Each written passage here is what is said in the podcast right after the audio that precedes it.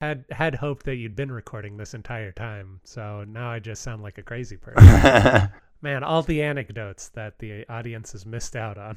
we talked about being sick and food poisoning, and and then Aaron went to a wedding in Nebraska.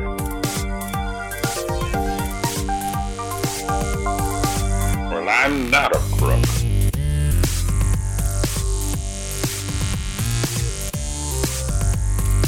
Because they are hard. Welcome to Presidential Deathmatch, the only presidential debates that matter. Today's headlines What is the Veep's job? Alternative history you can paint, and FDR is the best Spider Man. Which failed candidate would make the best Jonathan Hickman? We discover that with a Cleveland Harrison style debate because it's basically the same, but just a little bit worse. All that and more on today's Presidential Deathmatch.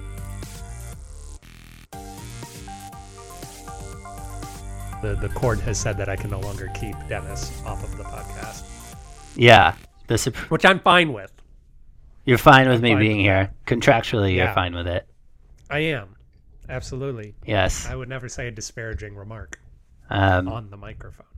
Yeah, the it hasn't truly been legally confirmed yet, but the opinion leaked, and so you knew Mm-hmm. that there was no other direction for this to go. Right, exactly. Like um, the the court in in a major breach of etiquette that I don't think has ever been breached before leaked the panel decision on Garrett v. Buddy, Yeah, and uh, there were a lot of protests immediately afterwards. So I assume that uh, a lot of people are keeping their eyes on the ball when it comes to Garrett v. Buddy. Yes. Might have mentioned this already, but the Texas Monthly office has a view of the protesters at the Capitol building, Yeah, so you can always see what they're protesting about. what they're up to. yeah. Oh, also, so you're you're back in person then. Yes. Very nice. That's fun. Yeah. You seem like the kind of guy who does well in an office, and that's only partially because I am permanently imagining you as Bradley from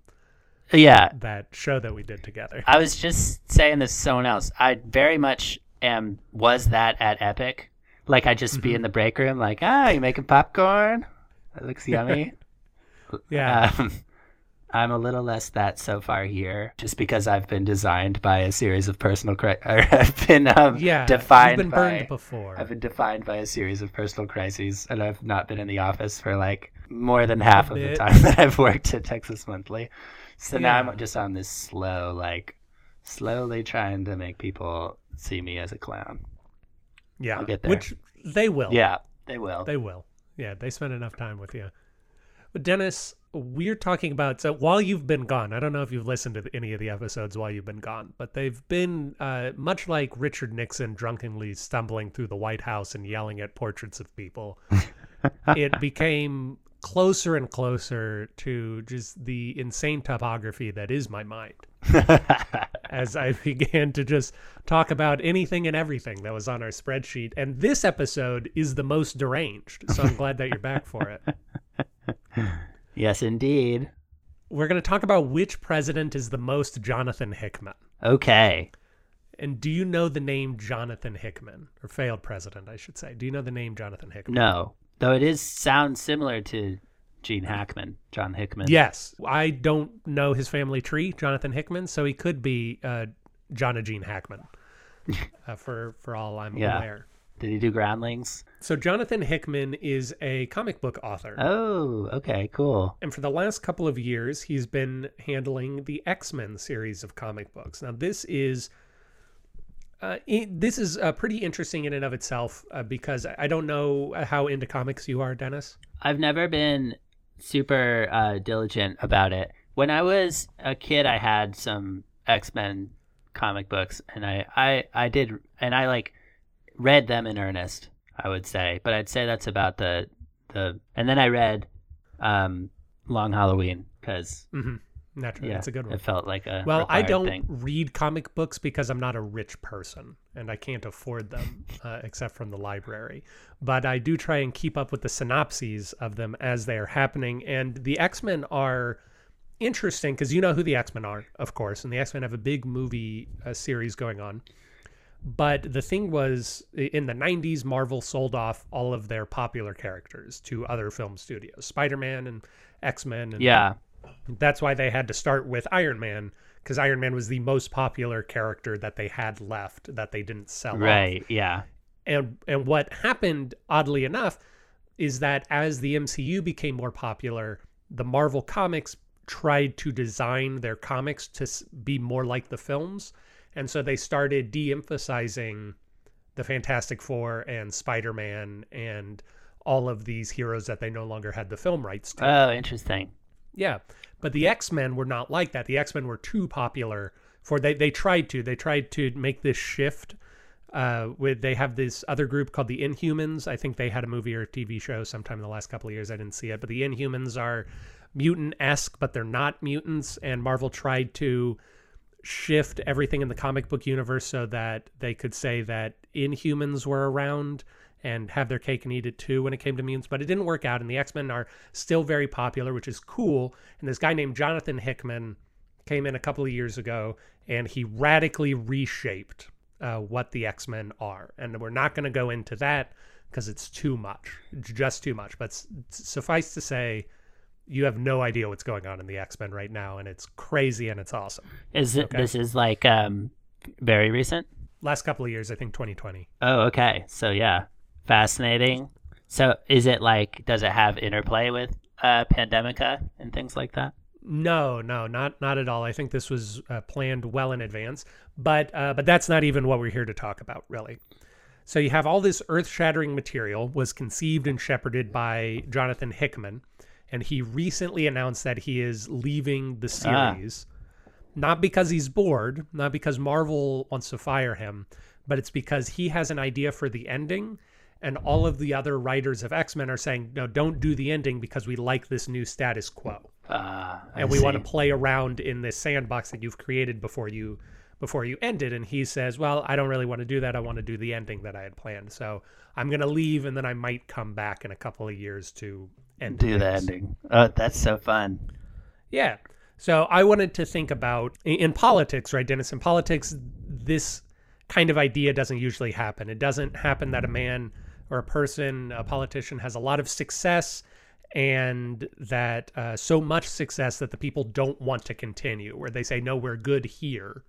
We don't want you to keep pushing your your policies. Usually either they keep going along with the president or the politician as is the case with somebody like fdr Yeah. uh, who just kept going and going and going, and people followed him, or people turn on the president where they're like, "Yeah, you're very popular up until a point, and then we decide we want to go in another direction," like George W. Bush, let's say, who was very popular for a short amount of time during his presidency, and then people really turned on him. hmm Okay, that does the is the idea we're exploring make sense?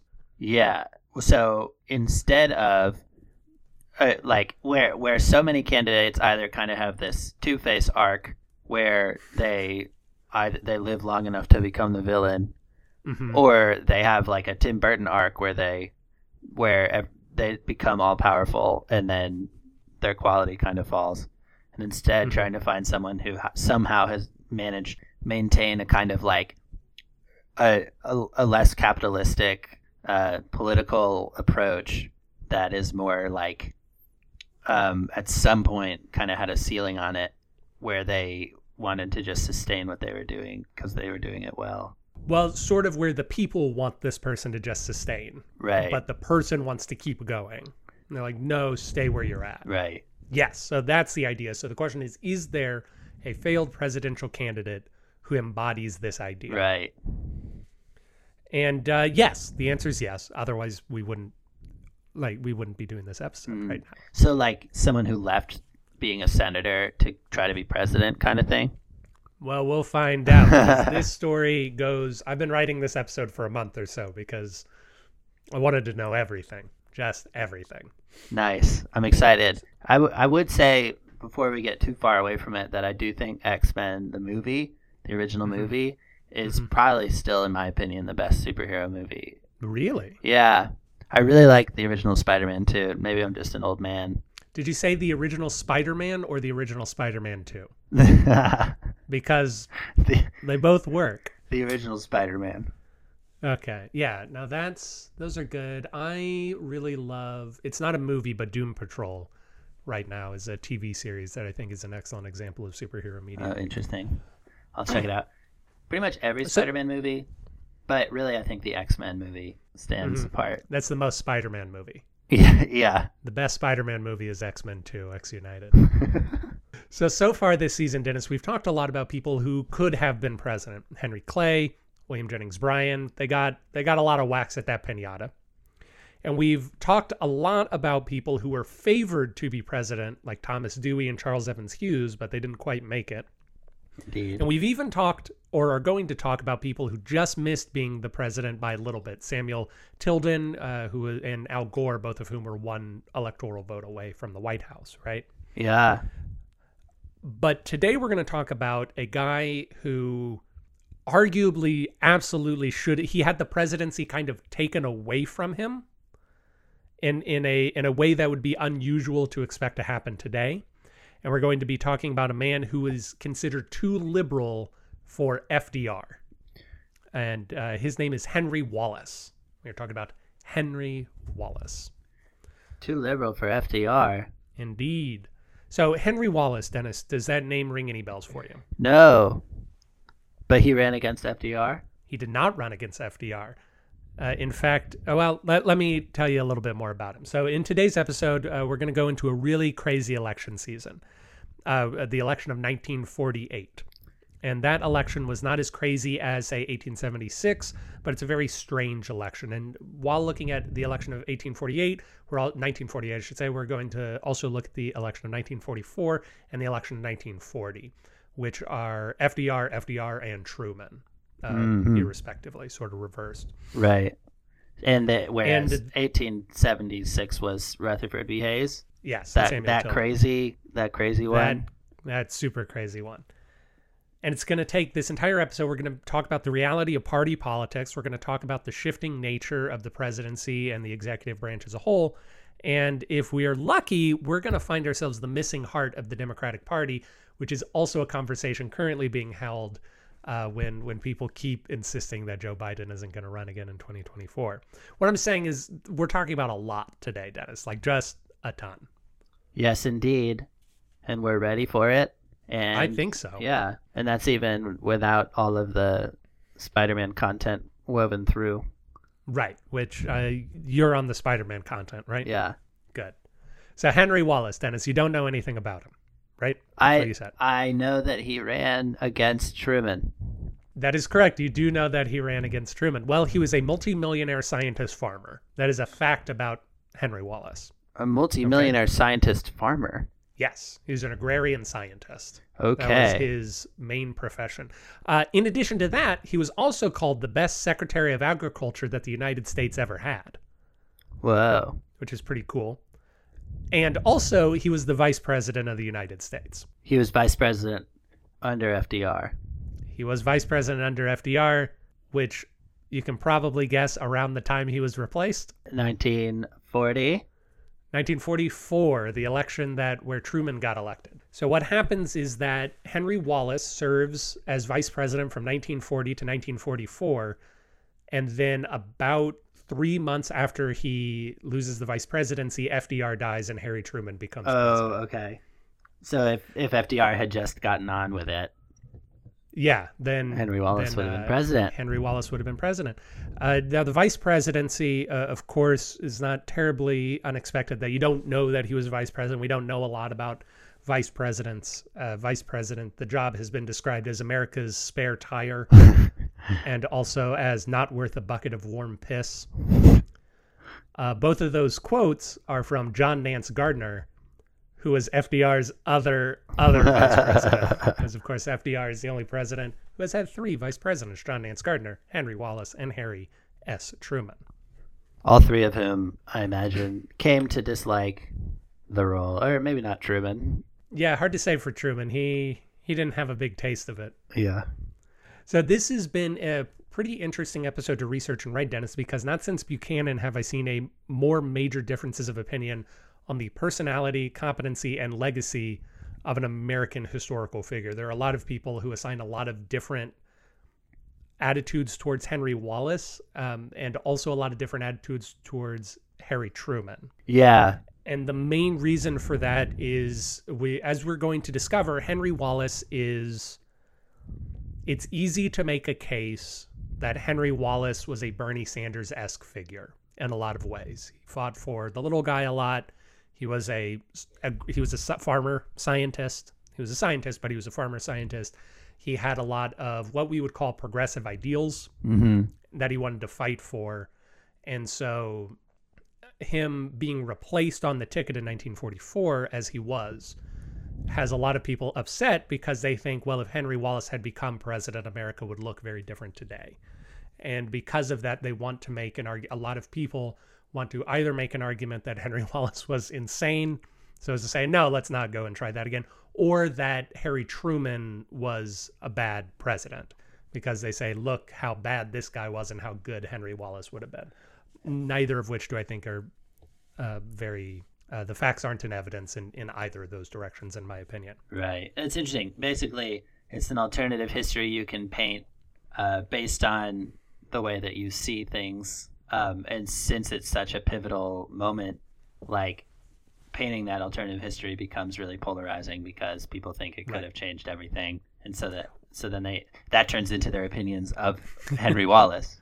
Yeah, and Harry Truman. Like it, it is not hard to set Henry Wallace versus Harry Truman as Joe Biden versus Bernie Sanders. And I think that there are a lot of reasons why that is an incorrect comparison, not least of which because Henry Wallace understands economics and Bernie Sanders does not.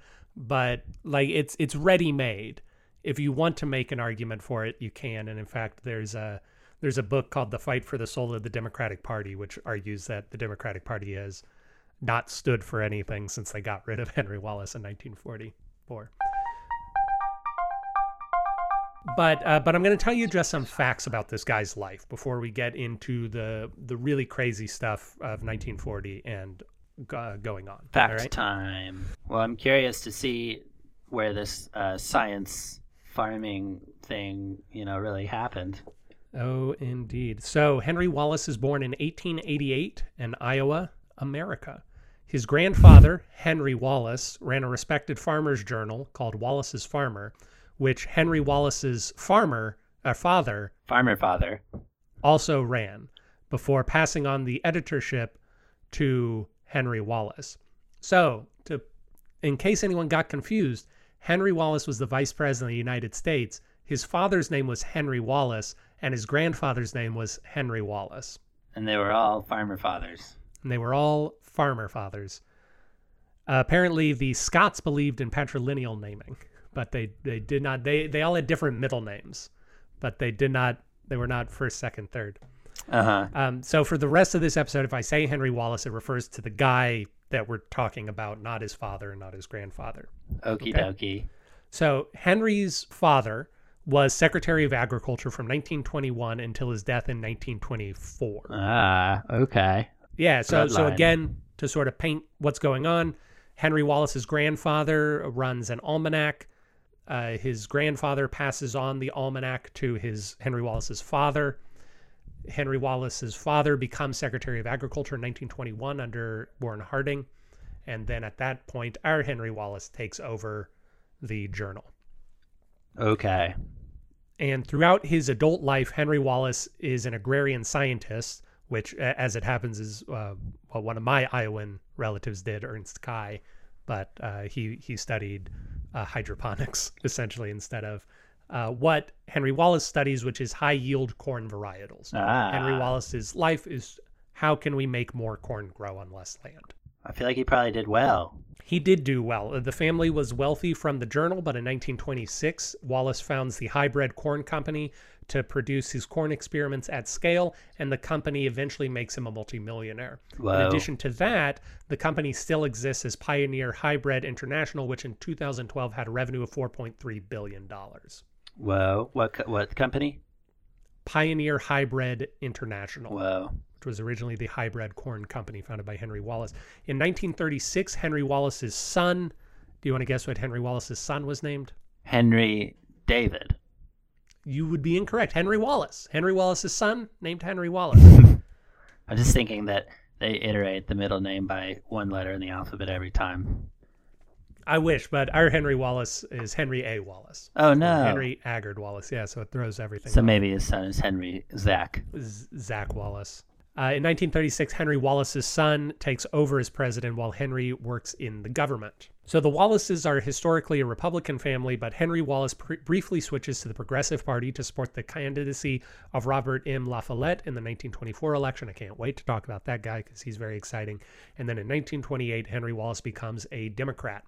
He is later on, uh, we haven't talked about his run for president yet, but he is going to run as a Progressive Party candidate. So to, to paint a full timeline for you, Henry Wallace, born a Republican.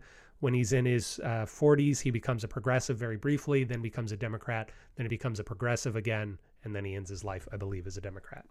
Yeah. You could see how, in the context of the time, if he's like, if it's Republican, became the popular Republican platform became the TR yeah. kind of thing in 1900, where this like progressive Republican situation, and that was really the trend until like the 20s or so. Yes, and in the 20s with Calvin Coolidge, the Republicans become a much more overtly big business. Yeah. TR was still a very big business guy. And so then it kind of forced probably a good number of Republicans who had come up, just grown up, associating it with progressivism to realize that they needed to choose between a progressive ideology or a Republican one. Well, no, actually, because both parties had progressive wings at that time. So it's do you want a Republican, a progressive Republican view, which is more business focused, more laissez faire economics, or do you want a progressive Democratic view? Actually, that sorry, that's completely wrong. A progressive Republican is not laissez faire. A progressive Republican is more cronyism, what we have now, versus progressive uh, Democrat, which is on the socialist end of the spectrum, but but we start getting into tricky terms there, and we don't want to dredge up emotions. Suffice to say, there is an argument that is made that that both the Republican Party and the Democratic Party are both progressive parties from a pre 1900 way of looking at the term, mm -hmm. and that progressivism itself took over both big parties, and you don't have a non progressive wing of the party and we have a bit of semantic shift for how progressivism is looked at today. Because uh, despite what a lot of Republicans will tell you, they're not actually for shrinking the government in a lot of cases. They're just for getting government out of the things that they want uh, government out of, but still very much having the government into the things that they want the government into, which is the definition of a progressive ideology. Right. Anyway, 1928 or so, the Depression hits, and during the Depression, Henry Wallace is a big supporter of FDR, aka the Big Delano. In 1932, or really 1933, George Wallace becomes FDR's first Secretary of Agriculture. Ah, right off the bat. Indeed. Actually, it appeared as though FDR had a pretty stable cabinet uh, up until 1940, but we're going to talk about that in a second. Now we're going to talk about replacing vice presidents. And to understand this story at all, we have to know that party politics didn't work like they work now. These days, it's taken as a given, right, that the nominee chooses his running mate. Uh, Ted Cruz in 2016 famously announced who his vice president was going to be before he failed to get the nomination. Uh, Walter Mondale in 1984 explicitly chose his running mate in order to make history, but it's not actually until Lyndon Johnson in 1964 that the vice president or that the president specifically chose the vice president that he wanted. Interesting. Until 1964, and uh, Jimmy Carter in 1976 is the first guy to interview candidates, like in a in an overt way. Say, "I'm the president. I'm going to choose my vice president." Prior to 1964, the vice president is chosen by the delegates at the nominating convention. Ah, okay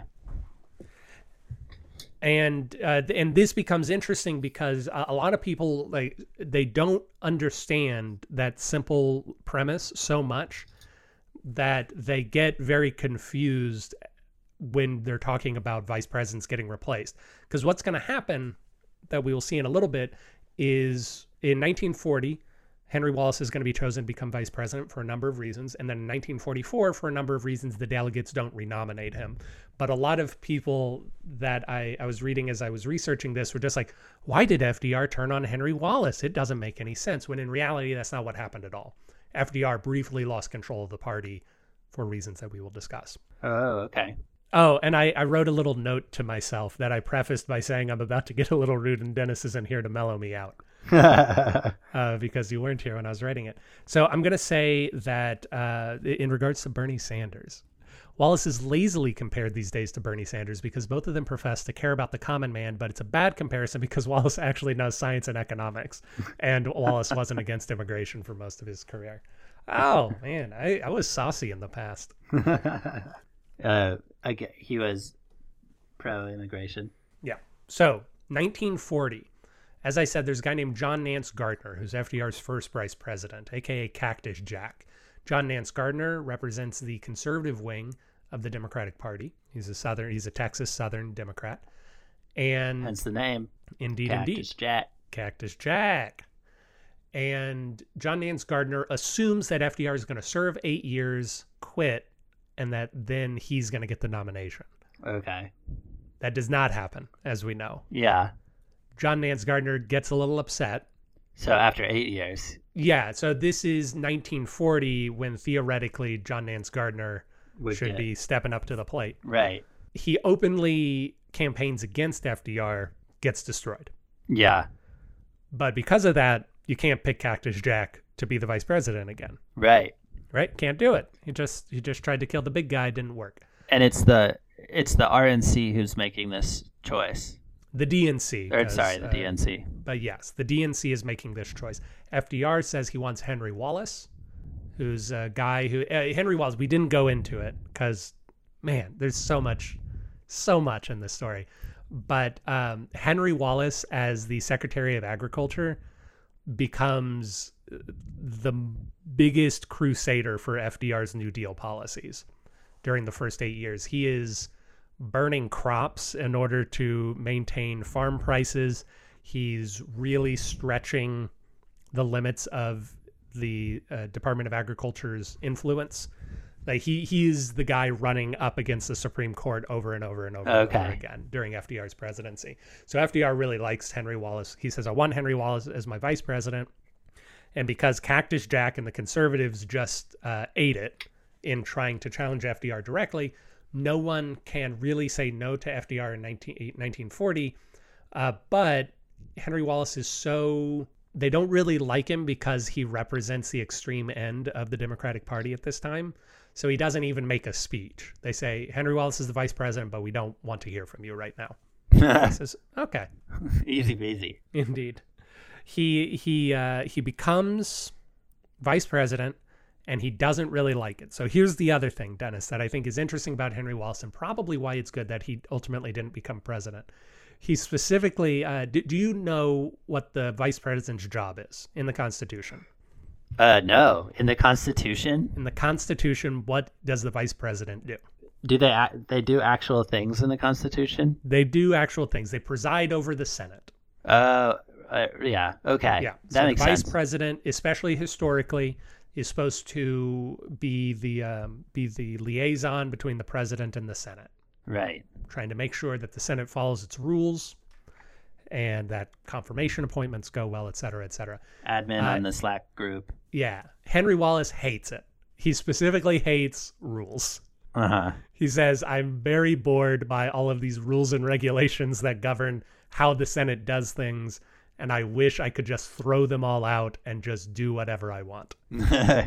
Because probably in the Department of Agriculture, he kind of like was a little bit hmm just kind of Yes. like barreling through and making things happen and running himself into walls to see what kind And certainly as a make. businessman, he, this is another good example of why businessmen don't make great politicians usually. Anyhow, Henry Wallace, he's not a big fan of of being the presiding officer of the Senate, but Roosevelt puts him in charge of something called the Bureau of Economic Warfare because World War II is still raging. And so his job, Henry Wallace's job during this time is to just figure out what America needs and get it, or figure out what America's enemies need and keep it from them yeah. like just cut off trade lines and stuff like that. And apparently, he he really enjoys this assignment, and he runs up against the Secretary of Commerce when he tries to claim that he has more power than the Secretary of Commerce when it comes to purchasing certain goods and getting moving certain goods around the world. That seems like probably it was true at the time. Yeah. Now this is uh, remember what I just said. Secretary of Commerce. That's that's the place he doesn't like, or that's the place he runs up And the. Secretary of Commerce was Henry Clay. uh, Jesse something actually. I don't have his his name in front of me. I, I was trying to track all of FDR's cabinet for a little while. Eventually, FDR just kind of assigns Henry Wallace as this roving ambassador, since Henry Wallace doesn't like being in uh, in Washington. Uh, so he's being sent to England. He's being sent all over to the place. And another person complains. I want to say it's someone in the Senate complains that Henry Wallace is being made to become his own State Department, which they don't like because there's this guy, uh, Cordell Hull, is the Secretary of State at this time. He's uh, FDR's Secretary of State for almost 12 years, so almost FDR's entire presidency. Uh, he he resigns a little bit before the last reelection campaign, and Cordell Hull is another one of these Southern conservative Democrats who's not a huge fan of of Henry Wallace and his liberal ideology. hmm So 1944 comes, and it is well known in Washington that FDR probably isn't going to make it. Right. So all of the conservative Democrats get it in their head we can't let Henry Wallace be renominated Yeah. because that if makes he's sense. if he's renominated, he's going to become president, and we really don't want Henry Wallace as president of the United States. It's a Kamala situation. Yeah.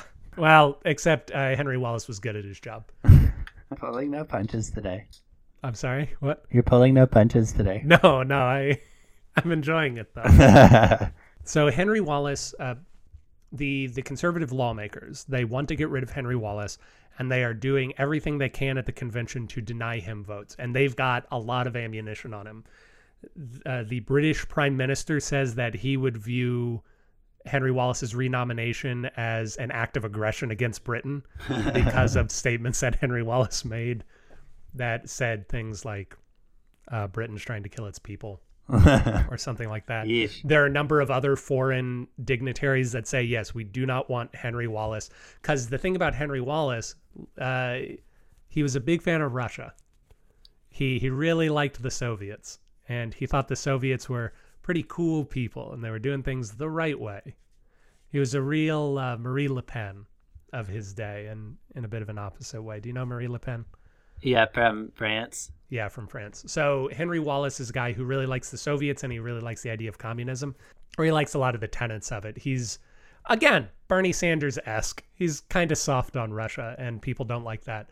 So they gather up all the delegates, they go to FDR, and they say, You can't renominate Henry Wallace. We will renominate you for a fourth time when you are definitely going to die, but you can't get Henry Wallace. And FDR basically says, Okay. Tell me who am I going to get? Harry Truman? I guess that's fine. I don't know him. I'm sure he's a good guy. So Henry Wallace isn't too happy. And FDR goes to him and says, Sorry, bro, but how about this? I, I will give you any job in the cabinet except for Secretary of State. And I thought this was interesting because, like I said, Cordell Hull had been in the State Department for 12 years. He was a very powerful Secretary of State but he had already resigned. And who was the Secretary of State at that time but a guy named Edward Stettinius Jr.? And that guy was roundly hated in Washington. So it's not as though he was going to replace a great Secretary of State with Henry Wallace. I think FDR just thought he couldn't get Henry Wallace confirmed as Secretary of State. So if you're Henry Henry Wallace right now, Dennis, which cabinet position do you choose? Because Veep is out. Hmm SOS is out. Right. You are a great Secretary of Agriculture. Yeah, go back to that maybe. Or Secretary of the Interior. kick out the guy that you got angry with, Secretary of Commerce. Oh, I should have put that together. Yeah. Henry Clay is out. Henry Clay's out. Henry Wallace is in. He becomes Secretary of Commerce. He's Secretary of Commerce for a couple of months under FDR. FDR dies. Harry Truman becomes president. Henry Wallace continues to be Secretary of Commerce under Harry Truman until he writes a scathing op ed against him in the New York Times. Harry Truman asks for his resignation, which he gives. In 1948, So we are all the way at the end of his life now. This is when he actually runs for president. 1948, he resurrects the Progressive Party, which he had previously worked for Robert M. La Follette on. He resurrects the Progressive Party and he runs and uh, with a guy named Glenn Taylor from Idaho, known as the Singing Cowboy. The singing cowboy. Now, in 1948, Henry Wallace runs a pretty bad campaign. Over the years, he's become more and more, especially after the end of World War II, more and more uh, pro Russia. Uh-huh. And there are a lot of, in, in the exact same way, Dennis, that it's say in 2016, David Duke endorses Donald Trump. David Duke, of course, being the former head of the KKK. And people say, Donald Trump, do you want to renounce the support of this leader of the KKK? And Donald Trump basically says, no, I'm okay with it. Same thing with uh, same thing with Henry Wallace and communists. There are known Uh, communists okay. in in his party, and he says that he wants a peaceful revolution uh, for America into a more communist state. He fails to repudiate those ideologies, and so he is effectively painted as a radical, even though Henry Wallace is he's extreme, but he's not a radical in this way. He ends up coming in fourth to the states' rights party, aka the racist party, Oh yes. against. Harry Truman and Thomas Dewey, who has been covered on this before. Yes, indeed. For the rest of his life, which was about 15 years or so, he would live in relative political obscurity. Of course, he had never won, he actually never won an election besides vice presidency. That was the only election he, he ran in besides the 1948 presidency And that was because he was on the ticket with FDR. with FDR. Yeah. He writes a book in 1952 called I Was Wrong about the Soviets, which Okay. it's pretty cool, I think. Good for Yeah, you. he comes around. yeah, he comes around and he says, uh, he basically says, I thought that I, he, he essentially says, I did not know about the level of violence they were perpetuating against their own people. Uh-huh. I now know about it. I now realize all of these things were problems. I was wrong about that, and I sort of renounce a lot of my earlier views. yeah. Prior to that, in 1944, he writes a really interesting article called The Danger of American Fascism. And I want to read uh, a part of it because I think it's good. Because the, the entire thesis of the article is that an American fascist is different from a European fascist. And if we are trying to stop fascism from happening in America as it did in Germany, we can't look for the same traits that we would see in Hitler because the American culture is different and thus the markers of American fascism would be different. Uh-huh. Most American fascists are enthusiastically supporting the war effort. They are doing this even in those cases where they hope to have profitable, profitable would be a more normal way to say that word, connections with the German chemical firms after the war ends. American fascism will not be really dangerous until there is a purposeful coalition among the cartelists, the deliberate poisoners of public information, and those who stand for the KKK type of demagoguery. Still, another danger is represented by those who, paying lip service to democracy and the common welfare and their insatiable greed for money and the power which money gives, do not hesitate surreptitiously to evade the laws designed to safeguard the public from monopolistic extortion. By and large, if it's not clear from those passages that I read, I think it's an excellent article. And I think that a lot of the things that he says about American fascism are very clear in the ways that uh, the more authoritarian aspects of our government are run today. People just yeah, ruthlessly making profiterole decisions. Yeah. The American fascists are most easily recognized by their deliberate perversion of truth and fact. Their newspapers and propaganda carefully cultivate every fissure of disunity, every crack in the common front against fascism. They use every opportunity to impugn democracy. They use isolationism as a slogan to conceal their own selfish imperialism. They claim to be super patriots, but they would destroy every liberty guaranteed by the Constitution. They demand free enterprise, but are the spokesmen for monopoly and vested interest. Their final objective, toward which all their deceit is directed, is to capture political power so that, using the power of the state and the power of the market simultaneously, they may keep the common man in eternal subjugation. Anyway, it's a good article. I highly recommend The Danger of American Fascism by Henry Wallace. Nice. Henry Wallace, I think, is a fascinating character. So clearly, he wanted to take America into a place that America did not necessarily want and arguably still doesn't want, mm-hmm. even though a lot of the basic tenets of what he is saying is very popular. I think he's a guy who he's a businessman. Like he is a man who is is an inventor and a businessman, and he understands both of those. But he has a a very clear love for the common man and a desire for them to be taken care of. He's a guy that I think, in a lot of ways, is great in the cabinet in a way that he would be bad as president. Because Yeah. he would be a bit of a brawler. Yeah. But I have one last thought on Henry Wallace. Chairman of the DNC and part owner of the St. Louis Cardinals, Robert Hannegan was a friend of Harry Truman's and was one of the people responsible for getting Wallace replaced on the ticket. Upon his death, he reportedly wanted his tombstone to read, Stopped Henry Wallace from becoming president, which I think is a really interesting legacy. yeah. Uh, Dennis, what are your final thoughts on Mr. Henry Wallace? Uh, yeah, seems like an interesting dude. I think he seems like someone who was always fighting, but believed that he was using the system the way it was supposed to be used, and was very aggravated by those who did not do that. Yeah. But it's an interesting one of those interesting ironies where it's fighting to keep because he kind of knows the way that people are fighting tooth and nail uh, within you know the the system already in a way. Yeah. Well, that is all we have time for in Presidential Deathmatch this week. Please join us again next week when I believe we're talking about my birthday, Uh, yes. which should be a delightful time. Well, from me and Dennis, and from Dennis and me, have a good week. Good to be back.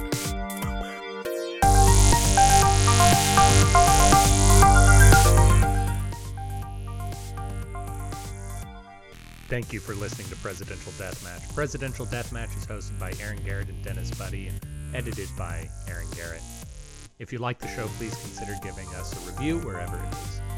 You can do that, we'd really appreciate it. If you didn't like listening to the show, well, why don't you come on back and give us another try? We really grow on you. If you want to reach out to us, you can do that at contact at pronoiatheater.com. You can also support the show in a variety of ways, including at pronoiatheater.com slash store. We hope you enjoyed it, and we hope to hear from you soon.